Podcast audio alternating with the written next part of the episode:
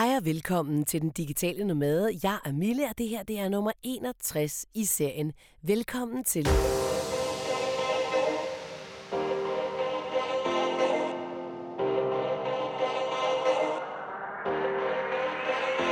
Her det er en podcast, der handler om at kunne leve som digital nomade. Den handler om at kunne rejse til sit arbejde, sine unger, sin mand, kone med ud i verden. Den handler om at kunne flytte til udlandet. Den handler om fremtidens arbejdsmarked, om at være remote, om at være loca- location independent og alt det, som ligger in between. Velkommen til Den Digitale Nomade. Det er påske, solen skinner, vejret er godt, og Danmark viser sig fra sin aller, aller bedste side. Der er ingen tvivl om, at når Danmark er sådan her, så elsker jeg at være her. Og det er jo ikke ens betydende med, at jeg kun kan leve et sted, hvor solen skinner. Men jeg ved, hvor meget det betyder for mig. Jeg ved, hvor meget det betyder for mit humør, og for min krop, og for min sind, og for min sjæl. Og ofte opdager man det jo faktisk først, når det er solen så kommer, eller man lever et udlandet for eksempel, eller man er på ferie, eller man har valgt at tage det spring, hvor man er flyttet til Spanien, hvor man lige pludselig finder ud af, jamen sådan her er det her jo hver dag, og hvor godt man egentlig har det med det. Da jeg boede i Spanien, der var det at vågne op sådan her hver dag. Solen skinnede fra en skyfri himmel, og det var varmt, stort set hele året. Det gav mig en ekstrem lykkefølelse – og det er jo bare vigtigt at tabe ind i og vide, hvad det egentlig er, der gør en lykkelig. Det er ikke, fordi jeg ikke trives i Danmark, det gør jeg. Men jeg må sige, at på den lange bane, så er det ikke her, jeg skal bo. Fordi det den ekstra dimension, det kan give mig at vågne op til en blå himmel hver evig eneste dag, og de muligheder, der så fører med med den blå himmel, fordi man kan gøre så meget mere udenfor. Det er helt klart noget, som jeg skal have mere af igen ude i fremtiden. Lige nu der øh, er det spændende. Der sker så mange vilde ting i den, i den digitale nomade. I dag der har jeg valgt at tage ind og interviewe Emilia van Havn. Hun er kultursociolog og foredragsholder og ved rigtig meget om de forskellige generationer. Og det glæder mig meget til at høre om, fordi hvad er det egentlig for en fremtid, vi går i møde? Hvordan kommer de yngre generationer til at arbejde? Og hvordan følger vi andre øh, hvor man så må sige, med de yngre generationer? Og hvad er det egentlig, arbejdsmarkedet bliver nødt til at gøre, for at vi kan imødekomme den her nye generation af digitale nomader, eller remote workers, location independent. Kært barn har mange navne. Og øh, det er jo noget, der optager mig rigtig meget, fordi det er jo ligesom det, den her podcast går ud på, og det er jo den måde, jeg selv har valgt at leve de seneste syv år. Så jeg glæder mig til om et lille øjeblik at øh, komme ind i Nordhavn, hvor det er, Emilia van Havn sidder. Og faktisk så sidder hun i noget, der hedder Sundkaj 7, hvor jeg er kommet i de seneste 14 år, tror jeg, faktisk. Fordi jeg har faktisk spiket derinde rigtig meget. Der, ligger, øh, der lå, ligger nok stadigvæk et bureau, Pumpkin, som jeg blandt andet lavede Max Factor for i gamle dage derinde. Så jeg er kommet der rigtig meget. Jeg kan huske, at jeg kom der også på barsel med mine børn, skrigende under armen, øh, og skulle ind og lave de her speaks inde hos verdens bedste producer, der hedder David, som nu sidder på noget, der hedder Welcome Post. Øh, mega sjovt at have de der... Øh, minder derudefra, og så skulle ind og besøge hende. Og faktisk så sidder mit øh, foredragsbureau også derude, så dem spiste jeg lige frokost med undervejs, da jeg var der. I går, der gjorde jeg noget, som jeg hader rigtig, rigtig meget. Jeg er ikke øh, særlig begejstret for at handle. Øhm, jeg synes, det er kedeligt, det er spild af tid, og jeg vil have det hurtigst overstået. Og kan du så forestille dig mig i en IKEA? Jeg kan ikke finde på noget værre end sådan noget IKEA-helvede. Men jeg havde sådan en eller anden drøm om, at jeg lige skulle have nogle små ting. Lige en skraldespand ud til køkkenet, noget bestik til, når vi har gæster, og vinglas, som jeg af en eller anden besynderlig årsag lige pludselig var forsvundet. Jeg tror måske, de smadrede. Så det var sådan nogle lidt praktiske ting, vi virkelig manglede. Så jeg tænkte ah, der kan ikke være så mange mennesker, hvis jeg smutter tidligt død. det var der. Så. Og så er de åbenbart ved at bygge op i den her IKEA ude i Gentofte. Så jeg sad fast i en kø rimelig længe, og jeg har ikke tålmodighed til det. Og der det der anarki, hvor folk bare dytter og blinker og råber og sådan noget. Puh, det gjorde mig nærmest helt deprimeret. Og så også hele det der handleaspekt med, at folk bare skal rave til sig alt muligt materiel lort, ikke? Altså slap nu af, bare fordi der har været to dages øh, lukket, så går hele IKEA amok. Nå, men det jeg vil fortælle med IKEA, det var slet ikke den her langkedelige historie, det var faktisk, at så møder jeg en øh, lytter derude, og hun stopper mig. Først smiler hun til mig, jeg smiler selvfølgelig tilbage, så stopper hun mig og siger, sig mig lige en gang, at du ikke Mille fra den digitale nomade. Og så blev jeg simpelthen så glad. Jeg blev spottet i IKEA af en af jer lyttere. Og hun var så sød. Hun sagde, ej, du er så inspirerende. Hold kæft, det er fedt. Jeg har lige opdaget dig, og så dejligt at følge med, øhm, følge med dig. Og jeg vidste ikke helt, om jeg skulle gå hen og sige hej til dig, eller om, øh, om jeg bare skulle gå videre. Men det er jeg simpelthen så glad for, hun gjorde. Og det vil jeg også bare sige til andre. I er simpelthen så velkommen til at sige hej. I er velkommen til at skrive til mig. Det er ikke altid lige tid til at svare, men jeg gør mit bedste. Så jeg er simpelthen blevet spottet i IKEA, mit hadested nummer et, uden makeup og uden at være i bad. Men det var en fantastisk oplevelse, så tak, kære lytter, fordi du kom over og sagde hej, og fordi du blev inspireret. Det er jo derfor, jeg laver det her podcast til dig. Det er jo for at videregive alle mine erfaringer, for at inspirere dig og for at få dig til at komme ud over stepperne. Så skal vi ikke se, om øh, Emilia van Havn og jeg i samarbejde i dag kan øh, få sat nogle flere tanker i gang omkring de generationer, de kommende generationer, din egen generation. Ved du overhovedet, hvad din generation hedder? Det finder du ud af om et lille øjeblik. Det andet vilde, der er sket i den her uge, øh, hvor det er påskeugen, det er, at min bog, eller vores bog, for det er jo både min og Christians bog, den er kommet. Den hedder Digitale Nomader. Mere eventyr, mindre hverdag. Jeg har allerede sendt den første kasse afsted ud i verden til jer. Og øh, jeg har åbnet nummer to kasse, og jeg sender simpelthen bøger afsted hver evig eneste dag. Og jeg har fundet ud af, at det der DAO fungerer skide godt. Eller DAO, er der nogen, der kalder det. Men for mig er det DAO. Det lyder lidt mere japansk. Det kan godt være, fordi jeg er international. DAO, DAO. Forestiller mig, at det er japansk, fordi det går så stærkt. Det er lidt ligesom et Shinkansen-tog, ikke? Jeg siger dig, at jeg går op og afleverer dem op i min lokale bager, der Antons. Mega lækre himbasnitter, kan jeg godt fortælle dig. Lidt et problem. Jeg har spist himbasnitter de sidste seks dage. Men øhm, så længe jeg løber derop, så, så går det nok. Og øh, så går der et døgn, og så er den simpelthen kommet frem til dig. Det er da simpelthen så smart og hurtigt. Så du kan allerede nu gå ind og købe bogen hos os på Digital Nomad Living DK. Og øh, så er den hos dig næste dag. Det er simpelthen så smart. Deri, der får du jo bare 314 sider digitale hands-on tips til, hvordan du kan skabe dig en digital nomadetilværelse. Du får også masser af vores vilde rejseeventyr. Du får alle vores tanker omkring det at leve som digital nomade. Du får økonomi, du får tidsbegreber, du får filosofiske betragtninger, du får, øh, du får mine 50 jobs som digital nomade og meget, meget mere. Det er faktisk den eneste bog, der er lavet på dansk, og det er jeg faktisk ret stolt af. Så skal du have fingrene i den, så går du bare på Digital Nomad Living DK og køber den derinde. Rigtig god fornøjelse. Og nu skal vi i gang med Emilia van Havn. Hej, velkommen til Emilia. Tak. Van Havn. Du er kultursociolog, ja. og så er du foredragsholder. Ja. Og vi har en titel mere. Forfatter. Forfatter. Det er rigtigt til bøger eller bogen? Øh, nej, seks bøger. Wow! Så det er, det er blevet til lidt efterhånden. Ja, ja. ja. ja. Men jeg kunne godt tænke mig, at øh, min podcast, den hedder Den Digitale Nomade. Den handler om at kunne leve som digital nomade, men også remote i virkeligheden. Og, og måske også, hvordan øh, man som ansat, altså hvis man ikke er selvstændig, men at man som ansat har mulighed for måske at leve mere frit og remote i fremtiden. Og det er noget af det, vi skal tale om i dag. Men jeg kunne rigtig godt tænke mig at spørge dig om først, kan du ikke grise op, øh, hvad det er, der kendetegner de forskellige generationer? Jo, men jeg skal lige forstå, når du siger remote, hvad mm, ja. mener du så med det? Så mener jeg, at man ikke sidder fysisk et sted ja. på en arbejdsplads. At man kan tage sit arbejde med og sidde på kontorfællesskab, eller arbejde hjemmefra for eksempel. Ja. Øhm, jeg ved ikke, om der er et rigtig godt ord på dansk. Jeg har ikke fundet det rigtigt endnu. Det er derfor, jeg bruger remote workers. Remote, ja. Men det handler jo om at kunne hjemmearbejdsdag. Men det behøver ikke at være derhjemme. De kan jo også være ude på et kontor eller andre steder. Ja, det er jo noget af det, man kan se, at der er kæmpe øh, stigning i. Altså caféer, som faktisk mm. er arbejdspladser også. Ja. Men hvor man netop sidder for sig, og så måske sidder og chatter lidt med nogle andre, får nogle idéer at gå videre. Ikke? Ja. Øh, det, er, det kan vi se rigtig meget.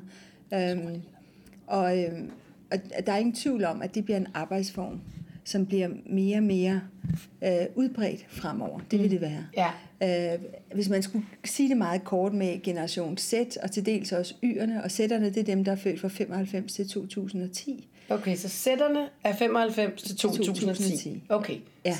Så de er sådan ret unge? De er meget unge, mm. og de er meget, meget stille og roligt på vej ud på arbejdsmarkedet. Ikke? Mange ja. af dem læser. Ja. Øh, men Y'erne, det er fra 1980 til 95, og de er ja. jo meget ude på arbejdsmarkedet. Og ifølge Deloitte, så siger de, at i 25, 2025, så udgøres arbejdsstyrken af 75 procent øh, af, de, af Y'erne. Okay. Øhm, jeg synes, det virker lidt voldsomt. Jeg ved ikke helt, hvordan de har regnet det ud, fordi øh, der må altså også være en hel del flere X'er, og sætterne må også efterhånden begynde at komme ud. Men det de i hvert fald, altså det man kan konkludere på det, det er, at der er mange af de yngre, som kommer ud øh, og, og begynder at dominere øh, arbejdsmarkedet generelt. Mm. Og det vil selvfølgelig også dominere kulturen. Altså mm. kulturen vil simpelthen ændre sig. Så det der med at have Altså da jeg var ung øh, i 80'erne og for alvor begyndte at arbejde, så var det der, altså så havde man et sted, man arbejdede, og det var på arbejdspladsen. Ja. Helt fysisk, og man var sammen med de andre, og man havde nogle bestemte tidspunkter, og det var der, man arbejdede. Mm. Og basalt set den måde at organisere sig på, kalder man øh, for bundne fællesskaber. Ja. Og en bundet fællesskab er faktisk... Øh, defineret ved, at man har en fælles lokalitet, aktivitet og mentalitet. Og det, man mener med det, det er simpelthen, at man er et fysisk sted, mm-hmm. alle sammen. Man gør det samme. Mm. Øh, det vil sige, altså den ene kan godt lave bogholderi, og den anden kan lave udvikling, det er ikke det, men det der med, at man har den samme overordnede opgave, og man tænker det samme om det, man laver, og dem, man er.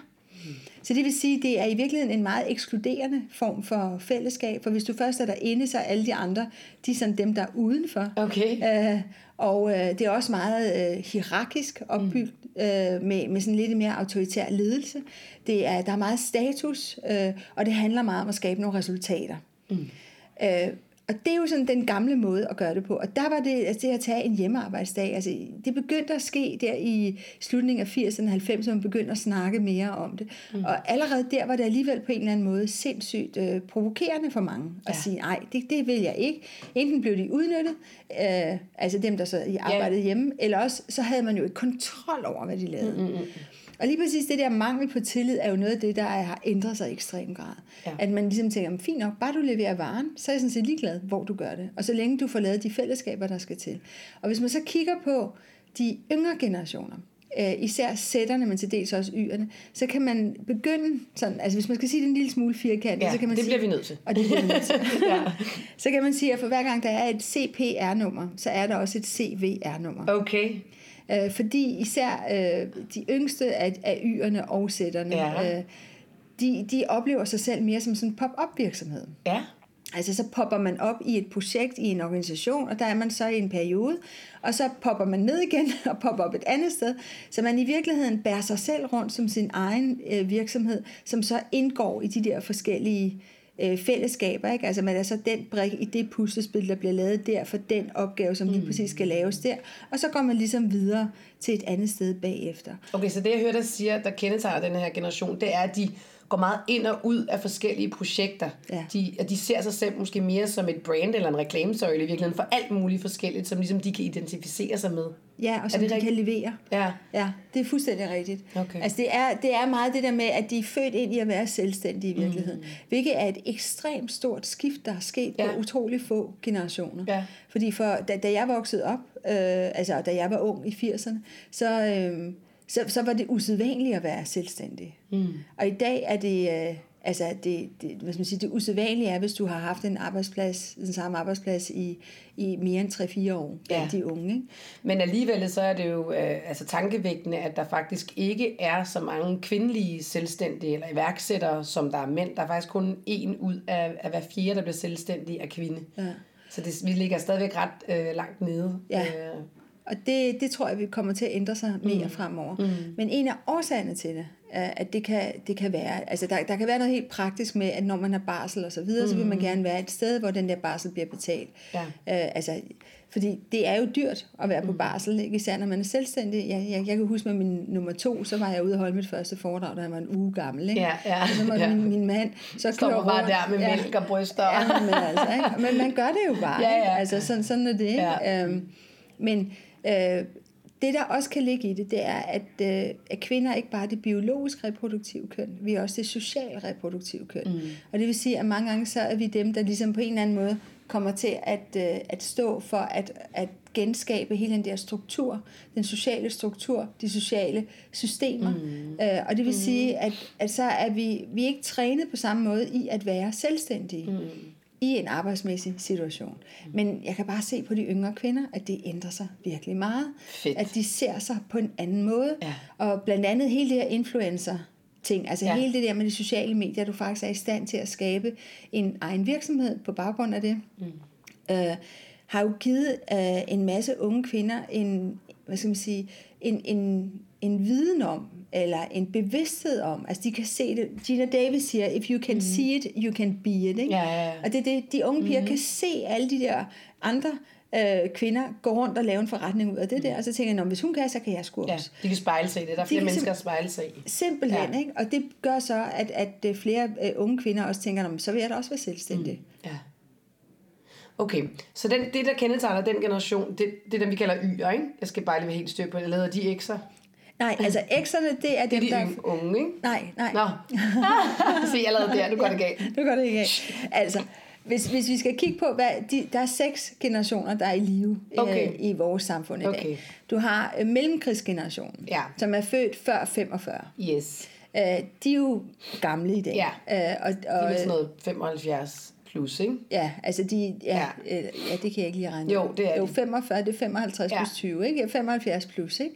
Øhm, det er jo dem, der er på pension, og som mm. er, er ved at være ældre. Og mm. noget af det, vi kan se også, det er, at der bliver flere og flere hundredårige. Mm. Så det vil sige, at man lever også i længere tid. Ja. Øh, og på forholdsvis kort tid, så har pensionsalderen, altså den, nej, den periode, vi har været pensioneret, den er steget fra i gennemsnit øh, 11 år til 20 år. Okay, wow. Så det er jo også, altså, øh, ej, det kan simpelthen ikke være rigtigt. Det gik fra, nå, det den er i hvert fald sted, ja, ja fordi Ja. så skal de være en hel del ældre, ikke? Øh, 72, 82, jamen det passer egentlig meget godt. Mm. Altså, omkring- men det er i hvert fald meget længere tid, end vi har været Ja. tidligere, ikke?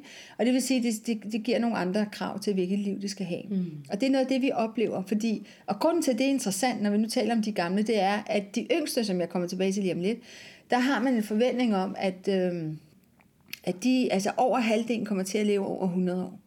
Så det, vi skal som samfund kigge på, det er jo også, hvordan indretter man et arbejdsliv, mm.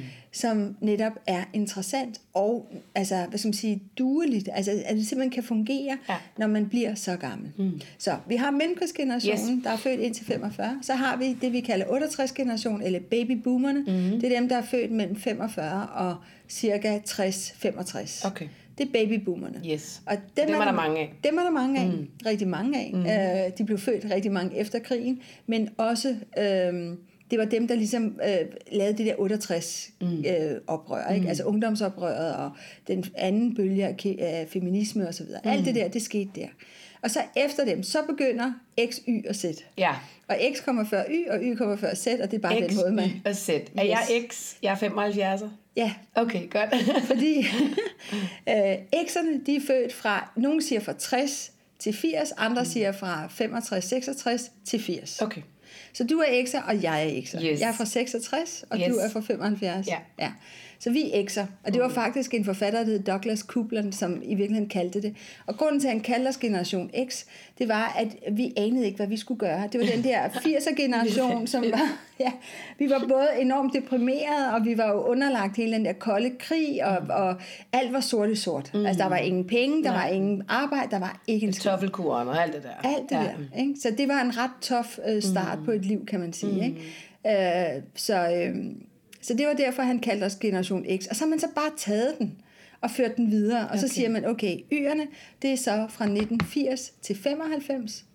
Øh, og sætterne kommer jo så efter Y, og det er så fra 1995 eller 96 til 2010. Okay.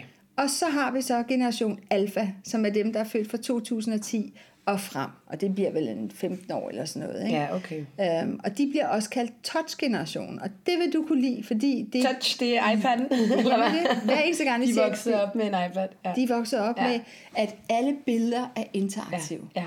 Så alle de sorte flader, som de kigger på, øh, Mm. eller alle flader i det hele taget, at det er simpelthen en indgang til alt muligt andet. Mm. Så de rører ved alting.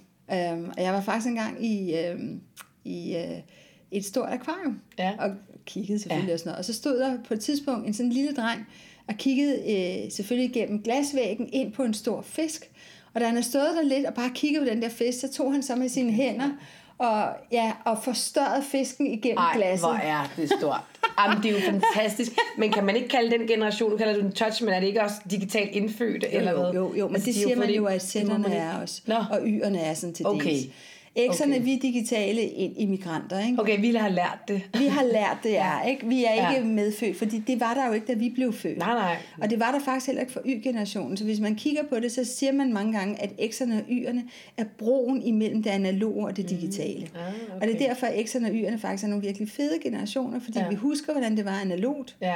Uh, X'erne meget mere end Y'erne, men mm-hmm. Y'erne altså, er ikke født ind i det, hvor Z'erne, de er jo nærmest født sammen med et mobilabonnement. Ikke? Altså, mm. det er jo, sammen med dåbsattesten, så får de et mobilabonnement. Men der er jo også nogen i vores generation, kan man sige, som, øh, altså, som stadig ikke sværger til det analoge. Det er ikke fordi, at jeg synes, at alt digitalt er fuldstændig fantastisk, og jeg synes også, at vi skal, vi skal, øh, vi skal bruge det med omhu. Ikke? Vi skal ikke bare lade vores børn øh, blive opdraget af en iPad fra de er et år gamle osv., men, men jeg vil sige, at der er stadig ikke nogen i min generation, altså som, ikke, som aldrig bruger det, altså som simpelthen ikke øh, har inkorporeret det i deres dagligdag, som aldrig vil øh, tjekke en, en øh, altså bruge Messenger eller noget som helst andet, de vil ringe.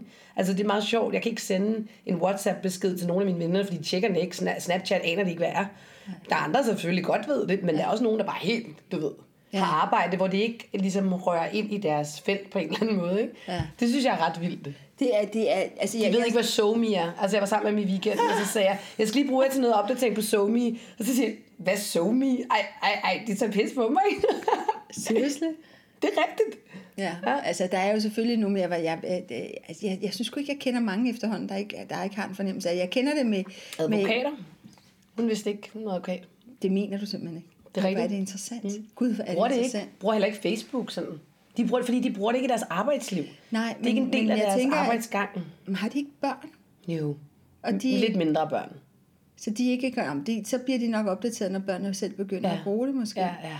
Nå, men det er bare interessant. At, altså, og jeg synes jo, et eller andet sted synes jeg faktisk også, at, øh, at det, er, det er en lille smule mærkeligt, at man ikke følger med i, hvad der sker. Altså sådan helt overordnet. Som om, at, øh, at det ligesom går væk igen.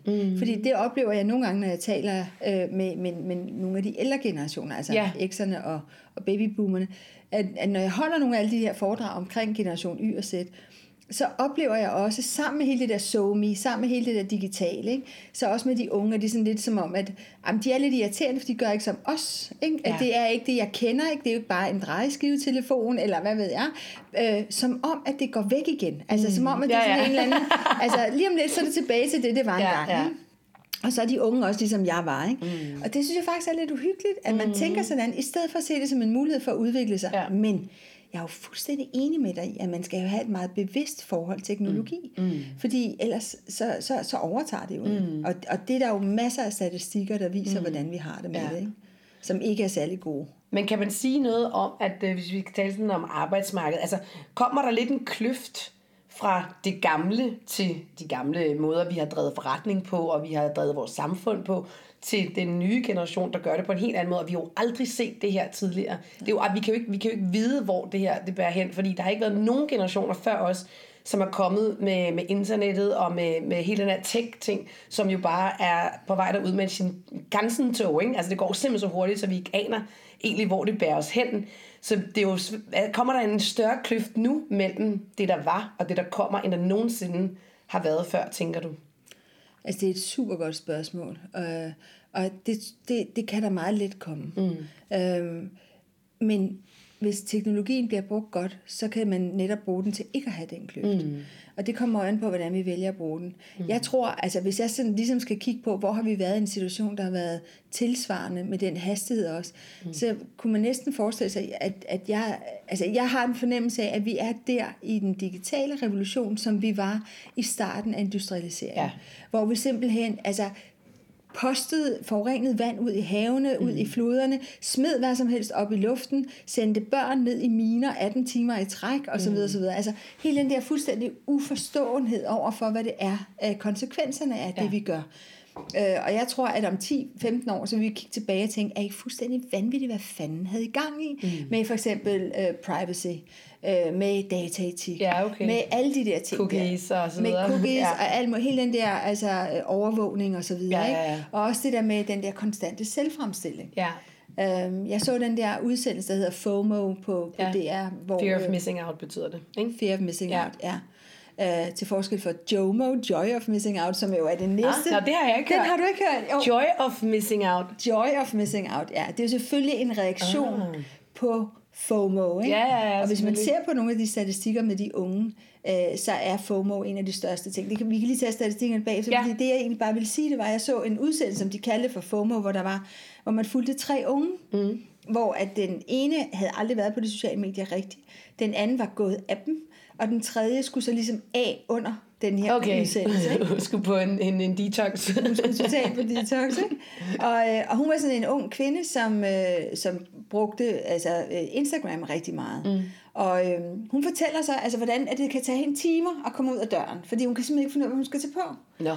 Og når Ja, okay. hun går ud af døren, Det er vel ikke usædvanligt. øh, Eller altså, jo, så meget. Ja, okay. Og så samtidig, når hun så gik ud af døren, ikke, mm. så, så havde hun det virkelig dårligt. Altså, okay. Hun synes selv, hun lignede lort, og, havde, og var ked af det. Ja. Og det var fordi, at hun sammenlignede sig selv så meget med alle de der andre Instagrammer. Ikke? Øhm, så gik hun af Instagram.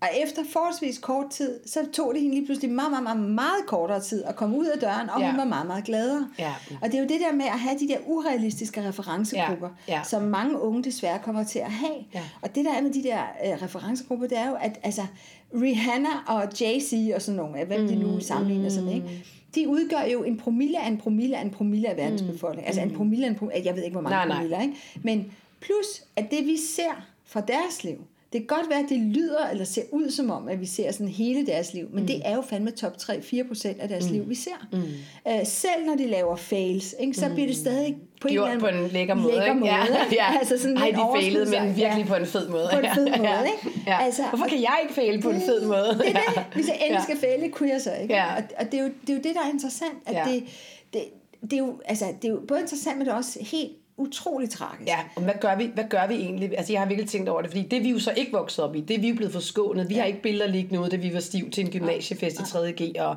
vi har ikke alle de der ting, vi skal forholde os til senere. Hvad gør vi egentlig uh, for at hjælpe den her generation med, at... Uh, altså, fordi sammenligningen, det vil, vil jo altid ske. Det gør man jo specielt i de der teenageår, ikke? Ja. Men hvad gør vi for at hjælpe dem til at, at, at vise dem, det er jo ikke virkeligheden, det de ser Ja. på en Instagram-profil, for eksempel. Jamen øh, faktisk, jeg var til en konference øh, om unge, øh, hvor jeg stillede de unge det her spørgsmål. Mm. Hvor meget betyder de der, altså de, dem I følger på de sociale mm. medier, egentlig for jeres egen identitet og selvforståelse? Og så var der en, der siger, fuldstændig indlysende, men meget, meget klart, det er, jo flere gode venner jeg selv har, jo mindre betyder det. Okay. Så det er basalt set det, vi skal lære dem. Og have gode venner. At have gode venner. Fysiske venner. Ja, Mhm. Ja. og jeg, ja lige præcis. Mm. Fordi øh, øh, noget af det, vi også ser, noget af det, som statistikkerne viser, det er, at der er flere og flere unge, der sidder på deres værelser og chatter med tre-fire stykker på én gang, i stedet for at være ude og møde dem fysisk. Mm. Og vi er sanselige, fysiske væsener. Mm. Altså sådan helt basalt. Vi er jo ikke bare hoveder. Mm. Vi er jo sanselige, fysiske væsener. Og derfor betyder det ekstremt meget for vores øh, altså helt grundlæggende velbefindende, identitetsskabelse, mm. socialitet osv., at vi faktisk sidder i samme rum, så vi kan aflæse mm. alt det, der er. Også Ja. igennem vores spejlneuroner og alt mm. muligt andet. Og derfor er det faktisk lidt et problem, at de unge ikke er ude mm. og... Øh, og, og møde hinanden mere. Også at datingkulturen er blevet sådan totalt instrumentaliseret. Mm. Altså det er et, et gavekort, eller hvad Ja, ja, sådan, ja. et Ja. gavekatalog. Ikke? Mm, ja. Øh, og jeg Pick snak, and- ja. jamen, jamen det, er jo, det er jo faktisk ret uhyggeligt, fordi Ja. Jeg snakkede faktisk med en, en, en, øh, en mand, som sagde, at, at øhm, nu er han ikke 91 høj, for eksempel. Øh, han er en meget pæn mand, men han er ikke 91 høj, han er ikke meget ung eller noget, og han siger, prøv at høre, jeg har ikke en chance længere. Nej. Da, før i tiden, da jeg gik på bar, så kunne jeg så møde de her kvinder, så kunne det godt kunne være, de jeg, se, så ja. kunne de se, og vi havde en connection, og der skete noget. Men her, der er jeg allerede valgt fra, fordi de piger, der er interessante, de får så utrolig mange mm. øh, hits fra alle mulige mænd. Mm. Øh, meget mere, end man kunne før i tiden. Altså mm. klumpen af mennesker, der kan hætte på en enkelt person, er ja. Jo blevet meget større gennem de Ja, sociale ja, ja. medier. Så hvad skal man sige, dem der, dem der er, øh, altså der gør så godt på de sociale medier, de får ekstremt meget opmærksomhed, og resten får ikke rigtig noget. Nej, ikke? nej. Og det vil sige, at der kommer en enorm sådan, øh, skævvridning i det der. Ikke? Det er jo en, en kæmpe, kæmpe ulighed. Mm. Tilbage til det der med de unge, fordi jeg synes faktisk, der er en meget Ja. vigtig pointe i det Ja. her. Ikke? Hvordan vi kan lære dem ikke at, at få det så dårligt. Ja. Altså, jeg synes jo virkelig, man burde have nogle fag i folkeskolen, mm. op igennem gymnasiet eller andre læreanstalter, hvor man simpelthen lærer, hvad vil det egentlig sige at være et menneske? Altså mm. helt basalt, grundlæggende, psykologisk mm. og identitetsmæssig forståelse. Mm. Øh, og hvad vil det sige at være en del af et fællesskab? Mm. Så man simpelthen, altså basalt set psykologi og sociologi. Ikke? Fordi i det øjeblik, at vi forstår det, mm. så kan vi lige pludselig også tage, tage ansvar for det, mm. og øh, hvad skal man sige, tage magten over det i meget større udstrækning end i dag. Og det er så underligt, fordi altså, vi skal lære matematik, og vi skal lære fysik, og vi skal lære dansk, og vi skal lære alt muligt. Ikke? Men man har en forventning om, at det at lære at være menneske, og at, at ja, det, menneske, det, der klarer har det, man bare. Det klarer man ja. bare. Men, men Emilia, tror du, ja. nu er jeg lige kommet til Danmark og har boet her i 10 måneder, ikke? Ja. men tror du, at den folkeskole, der er nu, ja. kan rumme det? Kommer, kommer det til at kunne ske i en nær fremtid? For jeg vil sige, jeg, jeg synes, vi har en god folkeskole, men nytænkende, det ved jeg sgu ikke, om jeg synes, de er. Altså, jeg stiller dem et simpelt spørgsmål, faktisk om, at øh, jeg godt vil have... Øh, hvad hedder de, Børns Vilkår har nogle kurser i at komme ud på skoler, det koster 1200 kroner, og fortælle om, øh, hvordan man øh, ligesom er på de sociale medier, altså hvordan man agerer, hvordan man opfører sig, og netop de der ting, vi taler om nu. Og jeg får bare en kommentar tilbage om, at det er der ikke råd til. Det er der ikke råd til. Altså vi snakker 1200 kroner for en, man kan undervise en hel overgang ikke, på det. Og det synes jeg, når det bliver jeg ærgerlig over. Det bliver ærgerlig over, at der at jeg bliver ærgerlig over nej-hatten. Det gør jeg altid. Men jeg synes, det er sådan meget afvisende. Så jeg tænker, hvordan, hvordan, hvor skal vi påvirke? Er det, er det politikerne, vi skal påvirke til at simpelthen gå ind og lave et fag i skolen? Og kan det overhovedet lade sig gøre, tror du? Hvis du godt kan lide den her podcast, så er du velkommen til at dele den i dit netværk. Du kan også støtte den ved at smide en 10 eller en 20 i kassen på millespeak10.dk. Tak fordi du lytter. Men er de villige til at kunne lade sig gøre? Mm, jamen, jeg tror, at de vil opdage stille og roligt, at, øh, at det er måske nødvendigt. Mm. Øh, fordi jeg kan faktisk, altså nogle af de statistikker, mm. som vi har, ikke, øh, er jo ret uhyggelige. For eksempel 10-15 procent af de unge udøver selvskadende adfærd. Mm. 10-5 procent ja. af en hel generation. Mm. Det er jo vanvittigt, ikke? Mm. 20-30 procent lider af angst. Mm. 20 procent får en depression, og mm. den er stigende. Ensomheden er stigende, ikke? Mm. 40,5 procent af de unge piger mellem 16 og 24 år lider af det, man kalder høj stress. Mm. Og det er det, der udløser en sygemelding mm. på en arbejdsplads, mm. ikke? Tre, lidt over 23 procent af de unge mænd mellem 16 og 24 lider også af stress. Ja. Det er jo nogle sindssyge tal. Men tænker du, at det er på grund af den digitale Nej. udvikling? Eller hvad tænker du, det handler om? Det er ikke kun den digitale udvikling. Mm. Øh, det er den samfundsudvikling, vi har. Mm. Hvor at det i høj grad er gået fra, at øh, altså for eksempel hele den der selvfremstilling og selvovervågning, mm. er jo et ekstremt stort pres mm. alene. Ikke? Og, mm. det, og det er jo bare noget, man må selv må lære at leve med. Mm. Altså uden at få nogen undervisning ja, ja, i det, ikke? Ja. hvilket er virkelig langt ude. Ikke? Ja. Altså det der kursus, du snakker om med børns vilkår, burde jo faktisk være obligatorisk ja, på alle skoler. Ja. Øhm, så er der også sket noget med hele læringsrummet at det er blevet meget mere præstering, end det er mm. blevet mestring. Og det vil sige, mm. at i stedet for at sidde på skolebænk og lære noget og stille en masse spørgsmål, og også de der såkaldte dumme spørgsmål, mm. som jo virkelig bare opklarende nysgerrige spørgsmål, mm. ikke? Øhm, det er blevet mindre vigtigt mm. i forhold til at skulle vise og bevise, at man har styr på sit shit. Ja. Og det vil sige, at der er rigtig mange unge, der i virkeligheden ikke lærer, altså ikke får hvad skal man sige, aktiveret deres nysgerrighed, og ikke for alvor lærer mm. noget. Øh, under undervisning, men synes, de selv skal lære det inden undervisning, så de virkelig uh, kan bevise, okay. at de har forstået det under undervisning, ja, okay. for at få de gode karakterer. Fordi hele den her karaktergivning har gjort, at det er blevet meget vigtigt at få karakter, end at danne sin egen karakter. Okay. Hvilket skolesystemet jo oprindeligt var skabt til. Ja.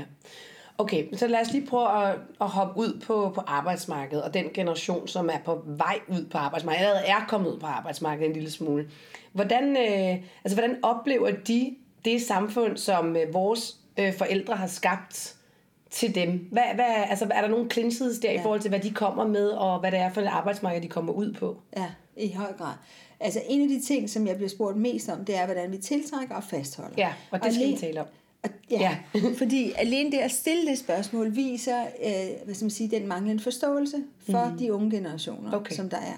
Fordi du kan godt tiltrænge, Uh, og det kan vi lige tale om lidt, mm-hmm. uh, hvad det skal til, men du kan ikke fastholde dem. Nej. Så alene den der forestilling om, at du skal fastholde mm. dem, og bruge en masse kræfter på det, er i virkeligheden skønne spilde kræfter, fordi det okay. kommer de ikke til at gøre. Man Nej. kan måske holde på med et halvt år mere, men slet ikke på den måde, man gjorde før i tiden. Mm-hmm. Et af de steder, hvor man virkelig kan se det, det er i de der store konsulenthuse, revisionshuse, advokathuse osv., uh, der har de jo været vant til at have den der partnermodel, hvor man ja. ligesom kom ind, og så 15 år senere, så kunne man så, hvis man havde gjort det godt og arbejdet som en, en vanvittig, jamen så kunne man så blive partner. Ja.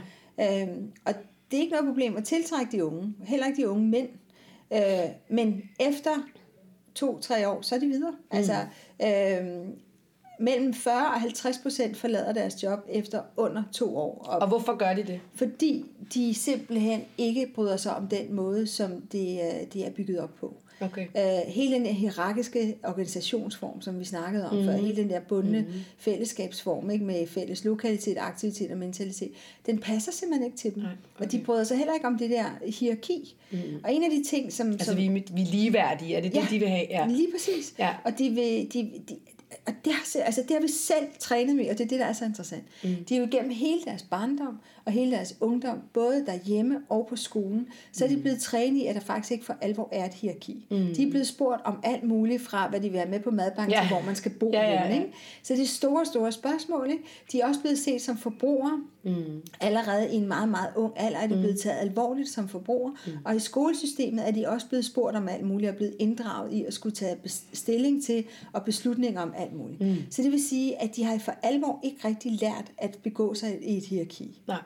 Heldigvis for det, tænker ja, jeg. For, ja, lige præcis. Altså, så længe at de ligesom ved, at de skal respektere andre mennesker, mm. og at man skal indgå i et fællesskab. Mm. Øh, og det har også, øh, det man også har trænet med, det er at bruge deres kreativitet. Mm. Og det der så sker, det er, at så kommer de ud på arbejdsmarkedet, og lige pludselig så skal de forstå et system, nemlig hierarkiet, mm. som de aldrig er blevet trænet i. Mm.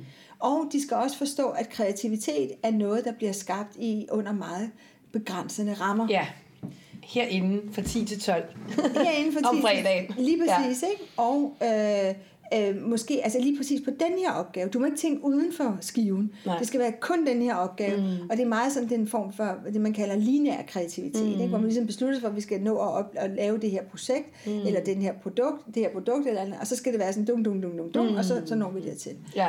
Øh, så det vil sige, at vi beder dem om at gøre noget, de aldrig er blevet trænet i. Mm. Det gider de jo selvfølgelig ikke. Nej, så er de videre. Og så er de videre. Mm. Så går de hen og gør det der, de steder, hvor de kan mærke, at der er behov for det. Eller også, hvor de samler nye erfaringer. Mm.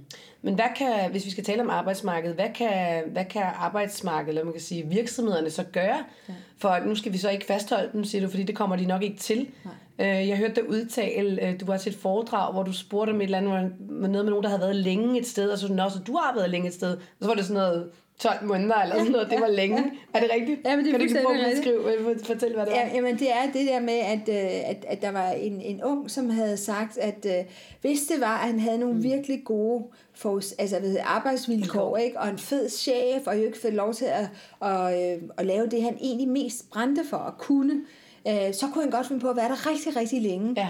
Ikke? Sådan, nå, okay, rigtig længe. Ja, så kunne jeg måske godt være der halvandet år. Ja, ja det er fantastisk. Men jeg tænker, der må jo sidde nogle chefer rundt omkring, som er opdraget på en anden måde, og tænke, hold kæft, hvor er det forkælet. Ja. Så vil de komme her og kun være halvandet år. De vil have gode forhold og en god chef, og hvad vil de ellers have? Ja. Er det ikke, er det, altså, er det, er det ikke, øh, kan det ikke være et problem, at, øh, at der er en chef, der sidder på den ene side og tænker det der, så kommer de unge med det her? Jo. Og det, er, og det er nok derfor, jeg er ude og holde de der foredrag ja. der, fordi at det er lige præcis den der holdning, som jeg møder. På et tidspunkt holdt jeg et, øh, et oplæg på CBS, mm. hvor der var, jeg tror, der var 400 mennesker eller sådan wow. et eller andet. Og så, ja, jamen, det var mere fordi... Jeg tænker, wow, jeg bliver helt starstruck, wow, 400 mennesker til et foredrag. Nej, det var mere for at fortælle, at der var rigtig mange, der ja. egentlig var interesseret i at høre om de der unge. Ikke? Ja. Men der var mange af dem, der var fra netop generation X og ældre. Ikke? Ja. Og jeg stod så og sagde noget om generation Y og Z, og så efter mig kom der to unge mænd fra generation Y, som fortalte om, hvordan de egentlig havde det selv osv. Mm-hmm. Og da vi så var færdige, så stod vi op på scenen og skulle øh, tage spørgsmål. Mm. Øh, og der var alle mulige forskellige spørgsmål. Og til sidst så rejser der sig en kvinde op, som helt åbenlyst er sådan en generation X. Ja. Og så stiller hun sig op og kigger på de to unge mænd. Mm. Og så siger hun, helt ærligt, synes I selv I en attraktiv generation? Oh. Jeg er glad for, at du griner, fordi det er jo forfærdeligt. Hvor er det så flabet? Hvor er det nedladende? Det er ja. så nedladende. Ja. Og de der to unge mænd... Hvad fanden skal de svare? På hele generationens vegne, eller hvad? Ja. Præcis, ja. det var det. Og, og man kan i virkeligheden sige, prøv at det er fuldstændig irrelevant spørgsmål, fordi ja. det er den generation, der er. Der er, ja, lige præcis. Ja. Men det, der ligger bag det spørgsmål, er jo en enorm øh, hvad skal man sige, smerte og sorg over, ja. at hun har i hvert fald ikke oplevet at blive mødt i det, hun havde brug for. Nej. Og jeg møder desværre den holdning rigtig mange steder. Okay. Og for mig at se handler det om, at, at det er jo den generation, der har skabt de strukturer, som de unge er på vej ind i, mm. der i virkeligheden skal være broen. Mm. Og den mm. bedste måde at være broen på, det er at være nysgerrig. Mm. Simpelthen at åbne op og sige, hvem er du egentlig? Ikke? Hvordan skaber vi et fællesskab sammen? Ikke? Og hvad ja. er det, vi skal flytte i verden? Ikke? og det er i virkeligheden det, som jeg prøver virkelig okay. at få, få, hvad skal man sige, få åbnet op for hos de ældre generationer, mm. at sige til dem, hør her, I kan ikke forvente, at de skal være ligesom jer. Mm. Så brug dem i stedet for. Mm. Og basalt set kan man jo sige, hvis du vil have deres energi, mm. og det vil de jo gerne. Ja, det vil de gerne, ja. Så må du også give dem din sympati. Mm. Altså, længere er den jo ikke. Fordi ellers så gider de ikke at være der. Så det handler i virkeligheden om på en eller anden måde, at hvis virksomhederne skal tiltrække de unge, at de skal være mere nysgerrige over for, hvad er det egentlig for nogle ting, de kommer med, og hvad er det for nogle kan man sige, krav, nu sætter det lige i anførselstegn, ja. som de har til en arbejdsgiver. Og så forsøger at imødekomme det så godt som muligt, øh, som man nu kan inden for de rammer, man har skabt et firma i. Ja, 100 procent. Og, og, og en anden ting, som også er, er ret vigtig, nu siger du selv krav nemlig. Mm. En af de, altså, vi mennesker øh, fungerer umiddelbart bedst i hvert fald, hvis det er, at vi både har nogle gode relationer, mm. og så også, at vi kan få lov til at bidrage til fællesskabet. Altså, mm. Vi bliver brugt, og vi bliver elsket. Mm. Og en af de ting, som de unge mennesker i hvert fald også har brug for, mm. altså indirekte, det er jo, at der bliver stillet krav til dem. Mm. Fordi i det, at du stiller et krav til et andet menneske, siger du også indirekte, hør her, jeg tror på, at mm. du er i stand til at levere et eller andet, jeg har mm. brug for. Mm. Det vil sige, jeg har tillid til, at du faktisk kan gøre det, der skal gøres. Mm. Og det har vi jo alle sammen brug for, også de unge. Mm. Så det er en, en balance imellem frihed og krav ja. i virkeligheden, ikke? som man skal stille. Og selvfølgelig skal man jo ikke bare sige, at vi gør alt på jeres præmisser, det er jo slet ikke sådan. Mm. Men den, den vigtigste indgang er, som du selv var inde på, se på dem med ligeværd.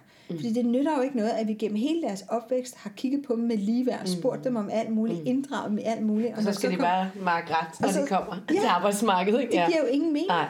De er jo slet ikke vant til det, og det, det, det giver ikke noget godt mm. overhovedet. Okay, men lad os prøve at hoppe lidt øh, over til det, vi også talte om i starten, omkring det at være digital nomade, eller remote work, som jeg også kalder det, eller location independent. Det har mange forskellige navne. Ja. Tror du, at, øh, at fremtiden, øh, at der i fremtiden vil komme flere mennesker, som lever på den her måde? Ja. Som digital nomade, altså som har sin computer med under armen og arbejder for hele verden af, eller, ja. du, eller øh, remote, eller altså, at også virksomheder ligesom siger, okay, vi har tillid til, at vores medarbejdere faktisk godt kan sidde og arbejde to-tre dage om ugen, øh, hvor de nu vil fra. Ikke? Og så er, mødes vi mandag og fredag, eller hvordan det kan være. Der er ingen tvivl om, at vi kommer til at gøre det, og hele organisationsformen bliver meget det der neotribale, som, øh, ja, som, øh, ja. som betyder nye stammefællesskaber. Mm. Altså det der med, at du er ny, med i nye stammer hele tiden. Ikke? Mm-hmm. Og, og det neotribale, det er bygget op omkring øh, frivillighed, ja. øh, lyst og interesse. Mm. Det er mm. det, der ligesom skaber det. Ikke? Øh, der er plads til en masse initiativ. Mm. Det er en meget åben og dynamisk kultur. Den er også meget mere flygtig selvfølgelig. Ikke? Mm. Men det fedeste ved det er, synes jeg i hvert fald, det er, at det er bundet sammen med tillid.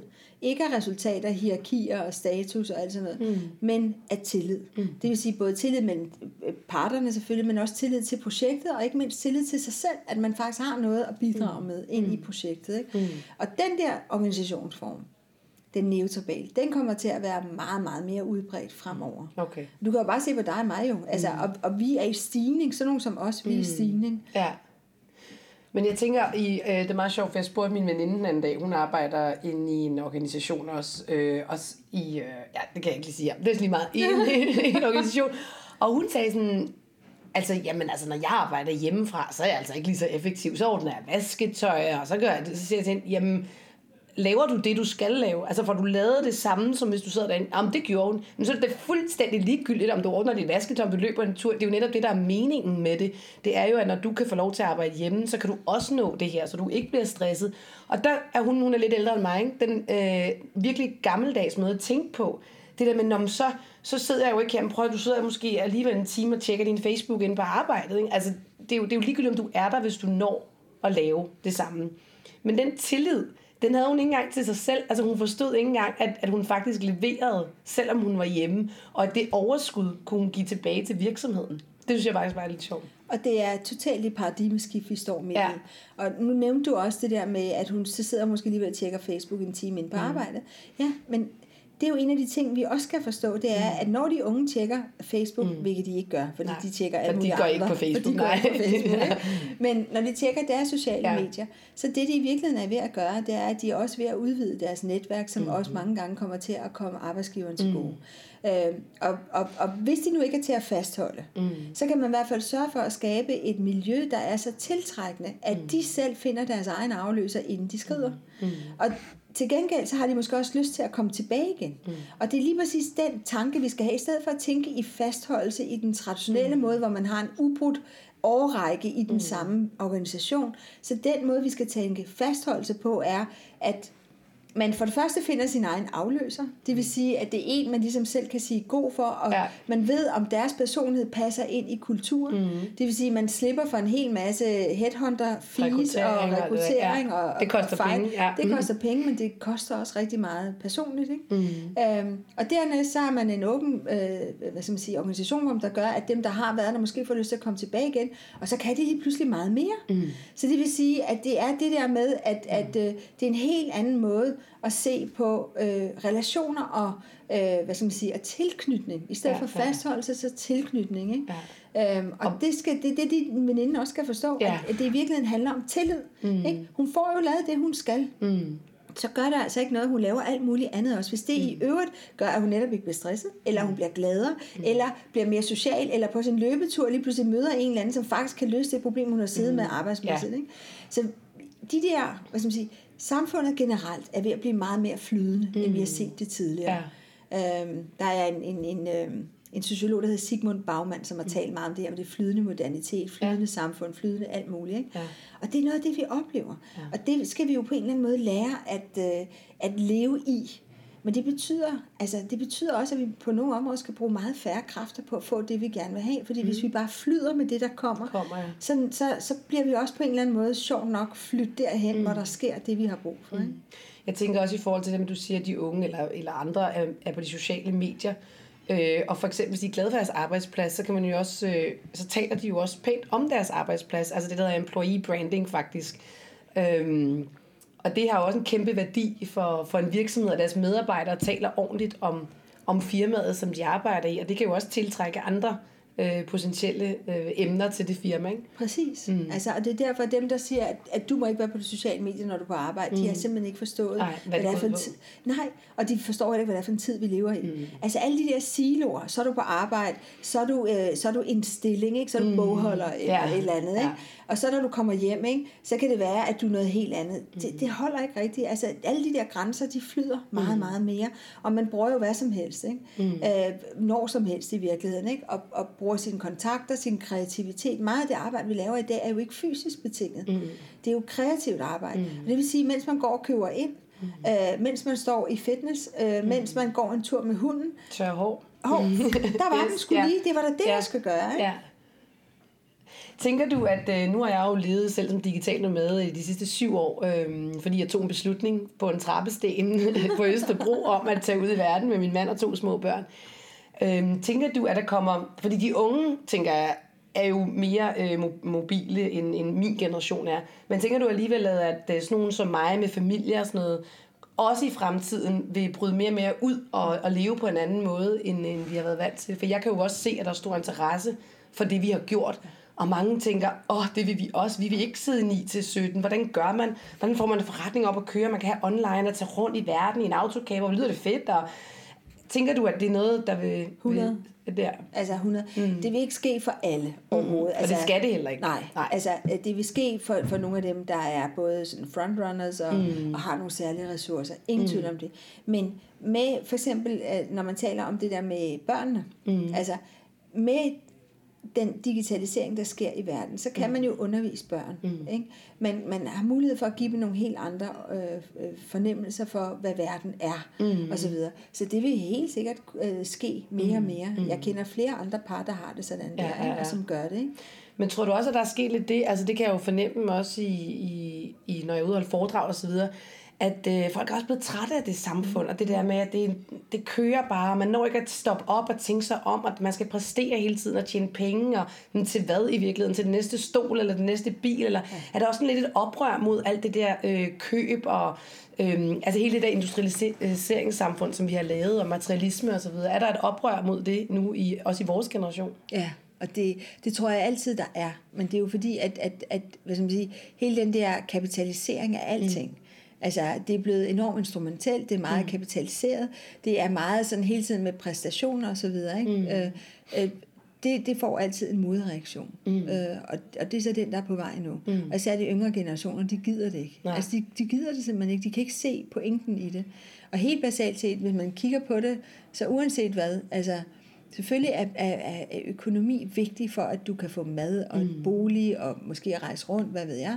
Men Altså, der er også grænser for, hvor meget økonomi, der gør en lykkelig. Mm. Øh, til gengæld ved man jo, det der er masser af forskning, der viser, at det, der for alvor gør en lykkelig, det er præcis det her med at have nogle gode relationer, mm. og at blive brugt til noget. Mm. Ikke? Og, og, og hvis du så kan rende rundt og få en masse oplevelser igennem de to ting, jamen, så er det jo sådan set meget godt. Mm. I stedet for, at du ligger og bider øh, i græsset med stress efter 10 års hårdt arbejde, ikke? Ja, ja, ja, øh, hvor ja. du ikke engang er blevet partner måske. Eller Nej, ja, ja. Ikke? Altså, ja, ja. Det, det, det det hele, ja. ja, ja. Ikke? Sådan give et godt råd til, øh, til den yngre generation, altså dem, der skal ud på arbejdsmarkedet, om hvordan, hvordan de ligesom øh, også kan blive forstået? Ja, det, det foredrag, jeg har til de unge, ja. det er... Øh, det er faktisk, øh, altså det er bygget op over tre spørgsmål. Ja. Hvor jeg ligesom siger, de tre livsspørgsmål, som du på en eller anden måde skal, øh, altså højst sandsynligt står med. Ikke? Mm-hmm. Øh, og det er sådan helt grundlæggende, hvem er jeg? I hvert fald ja. i dag. Ikke? Ja. øh, og hvad vil jeg bruges til, og, og hvem vil jeg overhovedet leve sammen med? Ikke? Ja. Altså hvem vil jeg dele mit liv med? Ikke? Mm. Øhm, og det som, jeg har nemlig sådan en her, jeg skal bare lige finde den en gang. Hvad er mm. det? De, ja, hvad vil din chef have? Ikke? Ja. Det som de, ja, det som øh, skal man sige, de traditionelle arbejdspladser jo gerne vil have, det er den der forståelse af den lineære produktudvikling mm. eller projektudvikling, ikke? men den ja. lineære arbejdsgang. Ikke? De vil også gerne have, at man tager ansvar for opgaver. Mm. Øh, at man virkelig siger, så tager jeg den, og så ja. ved man, ligesom kan man stole på som leder, at så bliver den kørt til dørs. Mm. Øhm, og det er der så altså en hel del unge, som faktisk ikke altid gør. Altså okay. de har ikke lært det på samme måde, øh, at tage ansvaret for den hele vejen.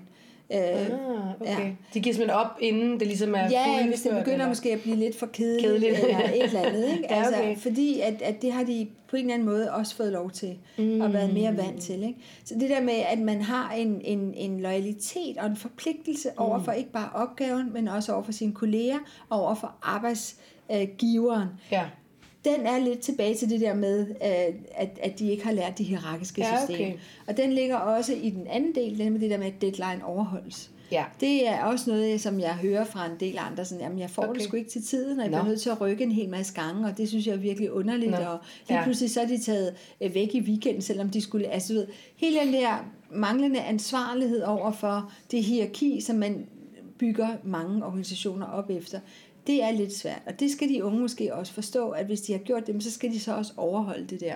Der kan jeg så lige tilføje, at hvis du lever som freelancer og har din egen virksomhed, så er der ikke noget, der hedder, at du ikke overholder en deadline, for så går det altså bare videre, så har du ikke nogen forretning. Du overholder en deadline. Du afleverer det faktisk også lidt før, fordi du er lidt sejere end de andre. Ja, det gør du så. det gør jeg, og det gør min mand også, og vi driver ja. nogle ret gode forretninger ja. begge to.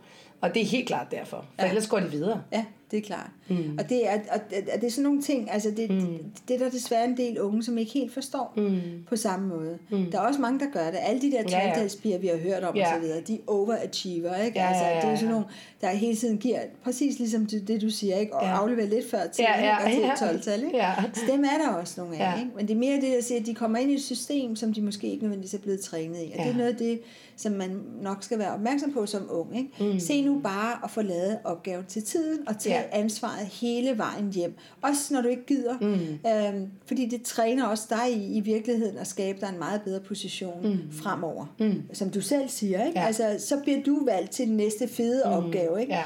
Øh, fordi det er i sidste ende altid vigtigt, at man ved, når man har givet en opgave væk, at den så bliver løst. Ja. Fordi hvorfor, hvorfor, altså, så kan man, så kan man selv gøre det jo. Ikke? Ja, ja, ja. Tusind tak, Emilia. Jeg tænker, at vi er kommet rigtig godt råd. Altså, det var mega interessant at høre om både arbejdsmarkedet, fremtiden og generationerne og alt det, du ved rigtig, rigtig meget om. Tak. Og øhm, man kan jo godt komme ud og høre dig til foredrag en gang imellem, ikke? Du holder også åbne foredrag. Jeg holder en gang med nogle åbne ja. foredrag sammen med nogle andre, og en gang imellem udbyder jeg også selv et åbent foredrag Okay. for dem, der abonnerer på min nyhedsbrev. Ja, okay. Og hvordan kommer man det? Hvordan finder man dig? Jamen, det gør man til altså emiliavanhavn.dk, okay. og så kan man bare skrive sig op med min Ja. nyhedsbrev der. Fantastisk, hvis man skal vide noget mere om det her emne. Ja. Tak, fordi du gad at være med. Jamen selv så. Fantastisk at tale med Emilia van Havn om de forskellige generationer, og hvad det er for et arbejdsmarked, der venter os i fremtiden. Jeg fandt i hvert fald ud af, at jeg var generation X, åbenbart den generation, der ikke anede en fløjtende fis om, hvad det er, de vil i livet. Der må jeg så bare sige, at jeg tror, jeg er meget atypisk. Atypisk? Atypisk for den generation. Jeg har i den grad vidst, hvad jeg ville med mit liv. Faktisk lige siden jeg var meget, meget lille. Jeg vil være skuespiller, skuespiller og skuespiller.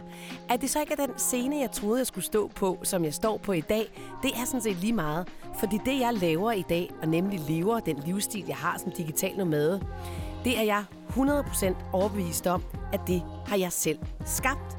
Det har jeg selv valgt.